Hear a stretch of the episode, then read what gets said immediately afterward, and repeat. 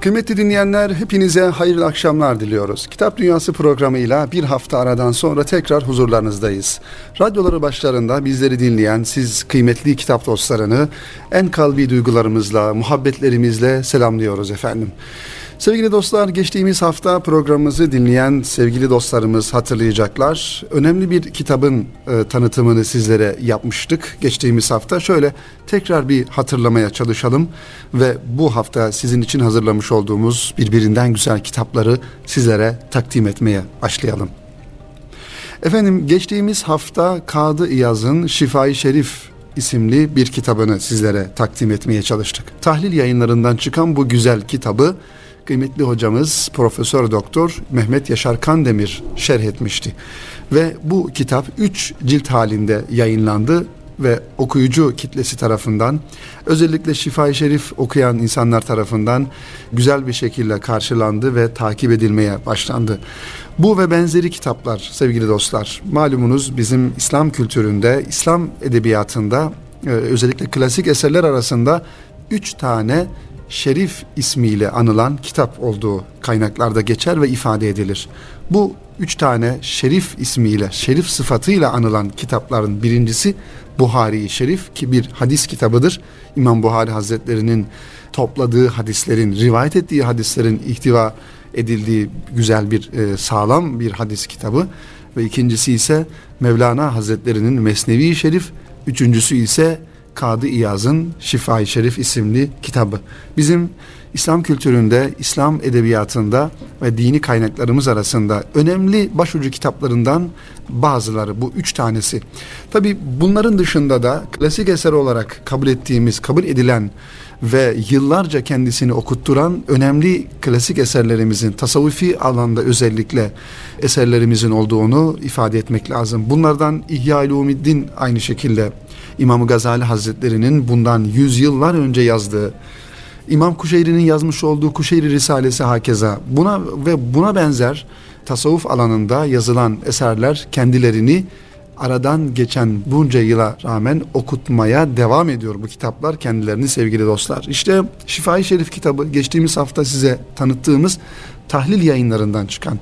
Şunu da hemen ifade etmek gerekiyor ki Şifai Şerif'in e, gerek tercümesi gerekse şerhi anlamında farklı yayın evlerinden e, çıkan kitapların olduğunu ifade etmek lazım. Hocalarımız sağ olsunlar emek göstermişler ve bu kitabı kendi üsluplarınca, kendi dillerince bizlere kazandırmaya çalışmışlar. Hepinizde, hepsinden de Allah razı olsun diyoruz ki bu kitabın e, günümüz diline kazandırılmasına ve okunmasına, okutulmasına vesile olmuş insanlar. Şifa-i Şerif kitabı tabii ki tek başına okunabilecek bir kitap olmakla beraber bir halka şeklinde, bir arkadaş grubu şeklinde de hem manevi anlamda bir istifade olması açısından hem de Peygamber Efendimiz sallallahu aleyhi ve sellemin o güzel hususiyetlerini, Efendimizin hukukunu, ümmeti üzerindeki hukukunu daha ayrıntılarıyla anlayabilme noktasında halka şeklinde, gruplar halinde istifadeli olması açısından okunması gereken bir kitap.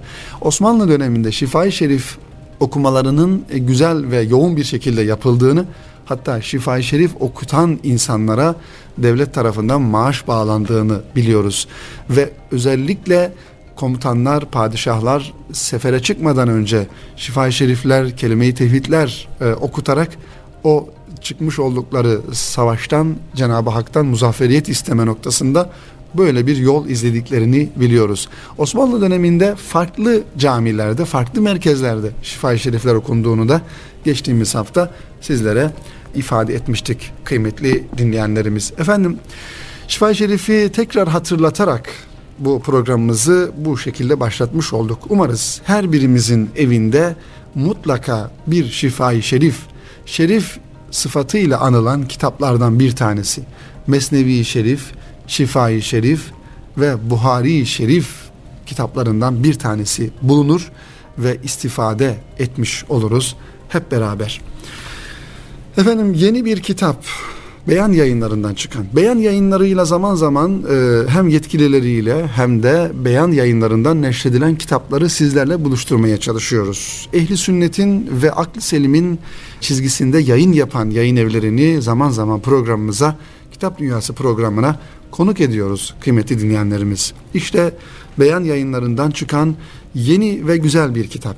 Bundan inşallah sizlere dilimizin döndüğünce bahsetmeye çalışacağız. Kıymetli yazar Atasoy Müftüoğlu. Atasoy Müftüoğlu'nun bir derdin, bir kaygının neticesinde bir düşünce ürünü olarak, bir düşünce, bir tefekkür neticesinde ortaya koyduğu bir fikrin etrafında yazmış olduğu bir kitap. Yeni bir dilin inşasını, yeni bir dilin inşası Atasoy Müftüoğlu'nun kaleminden beyan yayınlarından yeni çıkan bir kitap. 172 sayfadan oluşuyor. Ve şöyle diyor kitabın e, ilk cümlelerinde. Oku ve gafletten uyan.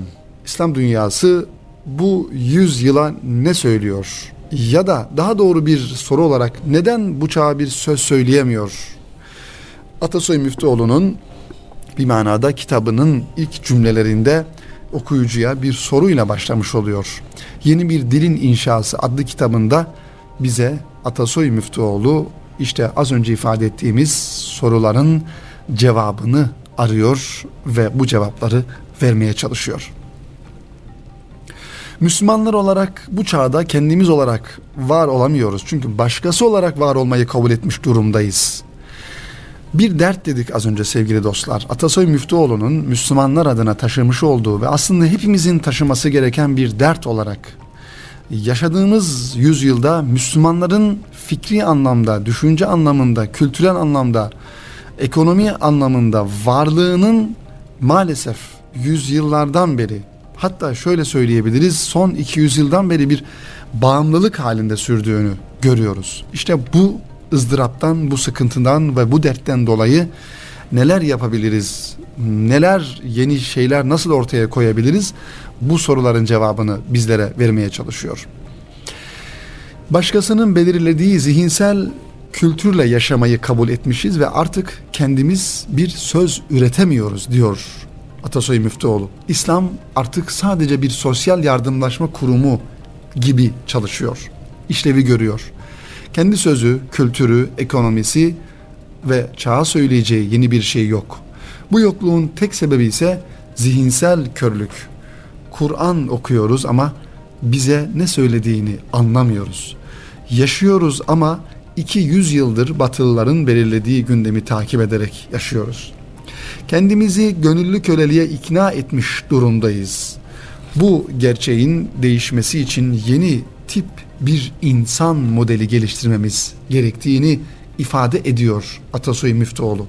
Ve sorgulayan, olayların gerçek nedenlerini araştıran ve oradan yeni çözümler üretebilen bir yeni Müslüman tipine ihtiyacımız var diyor. Ve İbn Rüşd örneğini veriyor aynı zamanda kitabının ilerleyen sayfalarında.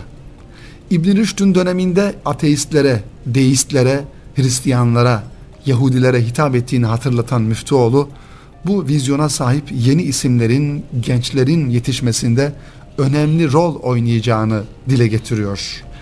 Yazar günümüzde dini hayatın sadece Türkiye'de değil, İslam dünyasının tümünde Allah'ı, Cebrail'i ve peygamberi sallallahu aleyhi ve sellem dehşete düşüren meczuplar tarafından ele geçirildiğinden yakınıyor. Gerçekten çok enteresan bir tespit sevgili dostlar bu.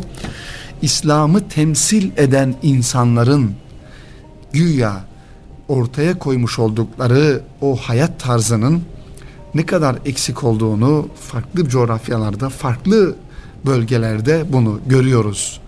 Ve bu ifade de sarsıcı bir ifade.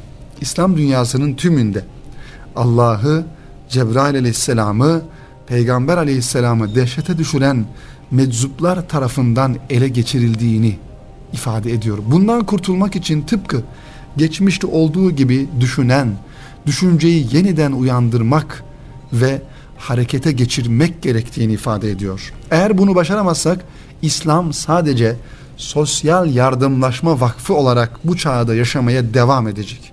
Bu da önemli bir tespit sevgili dostlar. İslam sadece sosyal yardımlaşma dini değildir. İslam bir hayat nizamıdır.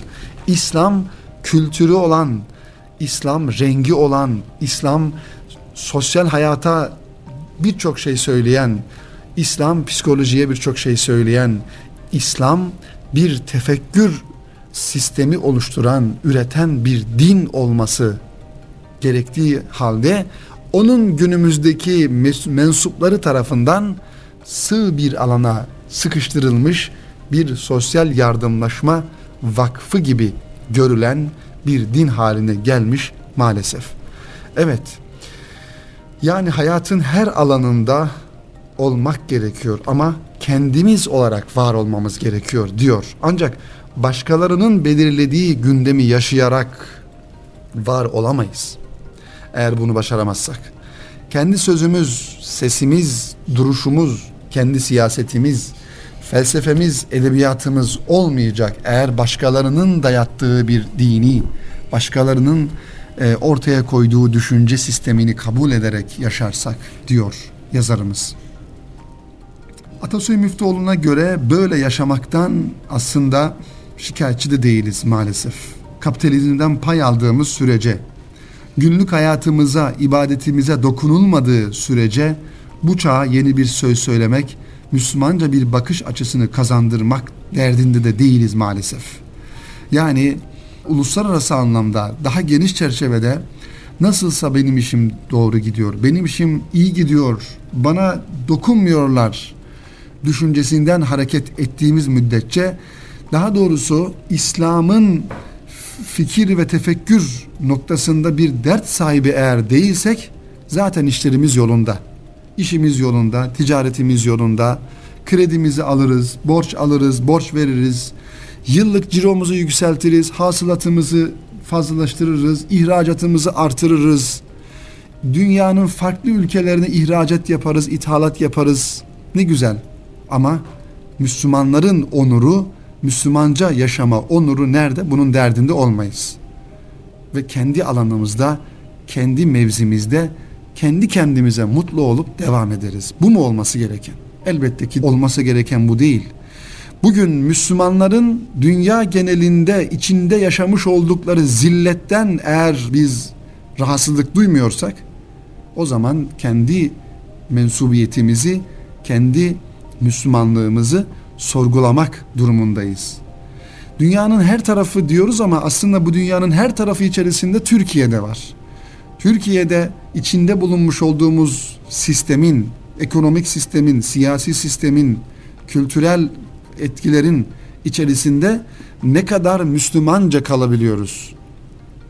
Bugün içinde bulunmuş olduğumuz şu zaman diliminde Müslümanların siyasi iktidarı elinde tutmuş olduğu şu zaman diliminde öz eleştiri olarak bunu söylemek lazım. Ahlaki zafiyetlerimiz ve farklı alanlarda, ticaret alanında, siyasi alanda, farklı alanlardaki ortaya çıkan zafiyetlerimiz önceki yıllara göre daha fazla.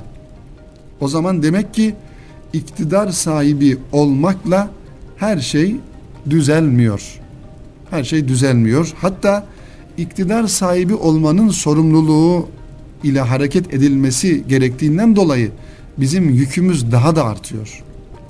Kıymetli dinleyenlerimiz. Onun için Müslümanca meselelere bakmak sadece belli alanlarda ya da kolayımıza gelen, işimize gelen alanlarda olmaması gerekiyor. Müslümanca bakma mevzusu bir bütün olarak. Siyasetimiz de Müslümanca olacak, ticaretimiz Müslümanca olacak. Hayatımız, aile hayatımız, iş hayatımız, eğitim hayatımız, her tarafımız, parklarımız dahi Müslümanca olması gerekiyor. Ama yok. Alışveriş merkezlerimiz Müslümanca dizayn edilmesi gerekiyor. Konutlarımız, evlerimiz, sitelerimiz, mahallelerimiz, sokaklarımız, caddelerimiz hakeza Müslümanca olması gerekiyor bu zamanda. Ama bu zamanda ne oldu? Alışveriş merkezleri ve insanları tüketime yönlendiren, tüketimi teşvik eden ve insanları adeta bir tüketim makinesi olarak gören zihniyetin daha da yaygınlaştığını, daha da arttığını görüyoruz. O zaman demek ki Müslümanca bakış açısı buralarda geçerli olmuyor. Buralarda da etkili ve yetkili olan insanlar kimlerse bakanlıklardan müsteşarlıklarına kadar ilgili müdürlüklerinden sorumlularına kadar bu derdi taşıması gerekiyor. Aksi halde kendi konforumuz, kendi lüksümüz, kendi hayatımız, kendi makamımız, kendi makam arabalarımız, her şeyimiz yolunda ama toplum çürüyor. Toplum çürümeye devam ediyor, hızlı bir şekilde çürüyor. Gençlerimiz için ürettiğimiz şeyler neler? Gençlerimize sunduğumuz ortamlar neler? Mesela ben size bir örnek vereyim. İstanbul Büyükşehir Belediye Başkanlığı'nın hizmet olarak sunmuş olduğu bir örnek. Örnek olarak söylüyorum sadece. Katılırsınız veya katılmazsınız. Büyükşehir Belediyesi'nin arabalarında, bilmem e, parklarında, sahillerde sınırsız internet hizmeti veriyor. Mesela bu bir hizmet olarak görülüyor. Halbuki senin gençliğin o internetten dolayı nasıl fesada uğruyor, nasıl ifsad oluyor bunu düşünmüyorsun. Bu bir hizmet midir? Hizmet olarak görünüyor ancak öbür tarafta nasıl bir ahlaki çöküntü oluşturduğunu hesap edemiyoruz, etmiyoruz veya düşünmüyoruz.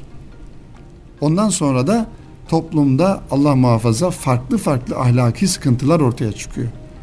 Bunların her birisi masaya yatırılması gerekiyor.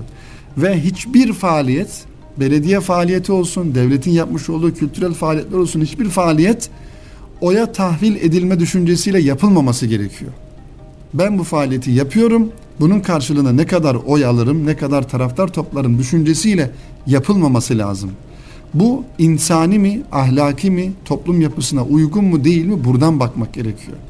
Kıymetli dinleyenlerimiz. O yüzden işte Atasoy Müftüoğlu yeni bir dilin inşası kitabında aslında biraz bu konulara dikkat çekiyor.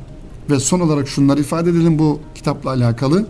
Sadece taktiklerle yaşamaya devam ediyoruz eğer bunları kabul edersek. Evet baktığımızda bu iş için öncelikle bu sorunları dert eder bir hale gelmemiz gerekiyor. Az önce ifade ettiğimiz gibi. Sonra cemaat ve lider taasubundan kopmuş zihinler yetiştirmemiz gerekiyor. Geçmişi anlatarak mutlu olma hastalıklarından kurtulmuş olmamız gerekiyor. 500 yıl önce dedelerimizin ortaya koyduğu başarıları anlatarak kendimizi mutlu etmekten vazgeçmemiz gerekiyor. 1453 yılında Sultan Fatih'in İstanbul'u fethettiğinden dolayı övünmek aslında bir manada başarı fukaralığının göstergesidir. 1453 yılında Sultan Fatih İstanbul'u fethetmiş, kendi zamanına, kendi çağına ve kendi nesline o başarıyı tattırmış. Bu zamandan sonra şu gün 2018 yılında biz ne yapmışız? Biz ne yapmışız? Bu başarıları ve ne yapacağız? Bunları konuşmamız gerekiyor ve geçmişle övünme hastalığından da kurtulmak gerekiyor kıymetli dinleyenlerimiz. Çünkü geçmişle övündüğümüz takdirde veya bunu bir hastalık halinde, bunun bir çizgisini aştığımız halde o zaman kendi başarılarımız kendi başarılarımız ortada yok. Kendi başarılarımıza odaklanamıyoruz. Sadece geçmişimizle, ecdadımızla övünmekle kalıyoruz. Bu da doğru bir şey değil. Elbette ki ecdadımızı seveceğiz. Ecdadımızın başarılarıyla gurur duyacağız. Sevineceğiz. Ancak oraya takılıp kalmayacağız. Kanuni Sultan Süleyman'ın başarılarına takılıp kalmayacağız. Sultan Fatih'in ya da öbürlerinin Abdülhamit Han'ın devleti en zor zamanda nasıl idare ettiğini elbette ki takdir edeceğiz. Onunla gurur duyacağız ama oraya takılıp kalmayacağız. Biz 2018 yılında dünyaya neler söylüyoruz oraya bakacağız. Bakmamız gerekiyor. Evet, bunlardan kurtulup gerçekte kim olduğumuzu hatırladığımızda bizim de yeni bir sözümüz, yeni bir sesimiz ve dünyaya sunacak yeni bir hayat tarzımız olacaktır kıymetli dinleyenlerimiz. Efendim Atasoy Müftüoğlu'nun beyan yayınlarından çıkan Yeni Bir Dilin İnşası isimli kitabını da sizlere bu duygu ve düşüncelerle takdim etmiş oluyoruz inşallah. Birlikteliğimize devam ediyoruz. Dertlerimizi ve problemlerimizi konuşmaya, kitaplar aracılığıyla sıkıntılarımızı ifade etmeye, bir manada dert paylaşımı yapmaya gayret ediyoruz, devam ediyoruz kıymetli dinleyenlerimiz. Efendim Halit Bekiroğlu beyefendi Önder İmam Hatipler Derneği Başkanlığını yürütüyor. Halit Bey uzun yıllar sosyal ve e, sivil toplum kuruluşları içerisinde görev almış ve güzel bir şekilde, güzel bir örneklik ortaya koyarak bu hizmetlerini devam ettiren bir abimiz, bir insan. Kendilerinin e, STK yönü olmakla beraber bu faaliyetlerinin yanında kaleme de, yazıya da, kitaba da, okumaya da zaman ayıran insanlardan bir tanesi. Hakikaten özellikle siyasi hayat içerisinde, sivil toplum kuruluşlarında farklı görevlerde bulunan, bir manada işi koşturmak olan ve ümmetin derdini çözme noktasında olan insanların şöyle durup eline kalemi alıp ve yazı yazması, kitap yayınlaması takdire şayan işlerden bir tanesi. Neden? Çünkü birçok insan bu faaliyetlerini yürütürken bu tarz kültürel faaliyetlere, düşünce işlerine, fikir işlerine zaman ayıramıyor. O yüzden bu ve benzeri insanları bu tür faaliyetlerinden dolayı da tebrik etmek gerekiyor. Efendim Halit Bekiroğlu'nun İlke Yayın Evi'nden çıkan bir kitabı 192 sayfadan oluşuyor. Kitabın künyesi şu şekilde. İsmi Düşünce Mola. Yazarı Halit Bekiroğlu. Halit Bekiroğlu hayatının son 10 yılında verdiği kısa dinlenceleri Düşünce Mola adlı kitabında topladı. Yolculuk hikayelerini okurla paylaşan yazar, her molanın hayata yeniden başlamak için bir fırsat olduğunu ifade ediyor. Halit Bekiroğlu tarafından kaleme alınan Düşünce Mola isimli kitap az önce de ifade ettiğimiz gibi İlke Yayın Evi arasından okurlarıyla buluştu. Bekiroğlu bu kitabında hayatının son 10 yılında dünyanın farklı coğrafyalarında verdiği molaları çeşitli hikayelerle okuyucuya bizlere aktarıyor. Bu molaların yol hikayesi olarak tanımlayan yazar bazen yurt dışında bazen ise dolaşırken sosyal, siyasal ve kültürel meseleler hakkında okurla fikirlerini paylaşıyor. Her molanın yeniden başlamak için bir fırsat olduğuna değinen yazar, hayatın bir yolculuk olduğuna inandığını belirterek Peygamber Efendimiz sallallahu aleyhi ve sellemin benim dünya hayatım ile ilgim bir ağacın altında mola vermek gibidir sözünden ilham aldığını belirtiyor. Yazar bu yolculuğunu hakikatin arayışı yolculuğuna dönüştüğünü de sözlerini ekleyerek yazdıklarımı o günün şartlarında değerlendiriyorum. O gün gördüklerimi bugün farklı görebilirim ama ana fikir olarak temel düşüncelerimizin ve hayatın kaidelerinin aslında çok da değişmediğini 10 yıla yayılmış yazıları tekrar okuyunca fark ettim diye paylaşıyor Düşünce Mola kitabında sevgili dostlar. Halit Bekiroğlu kitabında ilk olarak Özbekistan ziyaretini ele alıyor. Burada sembollerin kıymetini anladığını bize ifade ediyor. Özbekistan'ın başkenti Taşkent'te Ramazan ayında yaşadıklarını anlatan Bekiroğlu ne kadar acıdır ki Taşkent'te Ramazan ayını fark etmek için ciddi bir gayret göstermek gerekiyor diyor. Ulu orta yenen yemekler, gittiğiniz yerlerde size ikramda bulunma teşebbüsleri Ramazan ayında karşılaşabildiğimiz çelişkilerdir. Evet, hemen bir parantez açarak ifade edelim. Halit Bekiroğlu'nun bu düşüncesini biraz daha açma anlamında sevgili dostlar. 16 tane Türk Cumhuriyeti, Türkiye Cumhuriyetler dediğimiz devletler var. Bunlar önceden Sovyet Sosyalist Cumhuriyetler Birliği içerisinde bulunan yani Sovyet Rusya dediğimiz büyük devletin içerisinde bulunan ancak 1992 yılında bir bağımsızlık hareketiyle hemen hemen hepsi görünürde bağımsızlığını kazanmış olan ülkeler. Neler bunlar? Bazılarını ifade edelim.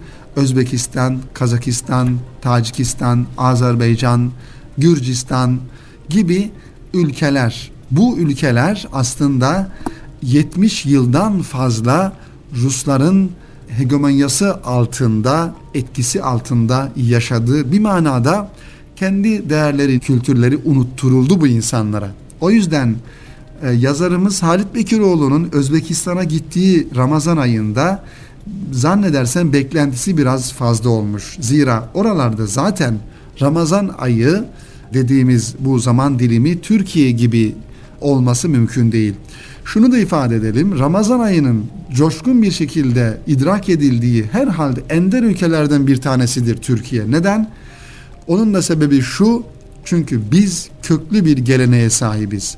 Ramazan ayı dediğimizde, oruç ayı dediğimizde ibadet olmasının yanında bir toplumsal beraberlik, toplumsal bir faaliyet olarak görüyoruz biz bunu. Yani Ramazan ayında Türkiye'de oruç tutmayan insanlar da bir şekilde bu faaliyetin içerisine katılmış oluyor. Olay ibadet olmasının yanında bir sosyolojik olarak bir vakıa olarak Türkiye'de kendini gösteriyor. Bu da geçmişten gelen, geleneksel anlamda kültürel olarak nesilden nesile aktarılan bir durum olduğundan dolayı. İşte Türkiye'nin, ülkemiz insanının farkı bu. Ancak Özbekistan gibi sonradan bağımsızlığını elde etmiş ve dini faaliyetlerin, dini anlayışın çok zayıf olduğu bu ülkelerde böyle bir beklenti içinde olmaması gerektiğini de ifade edelim yazarımızın sevgili dostlar.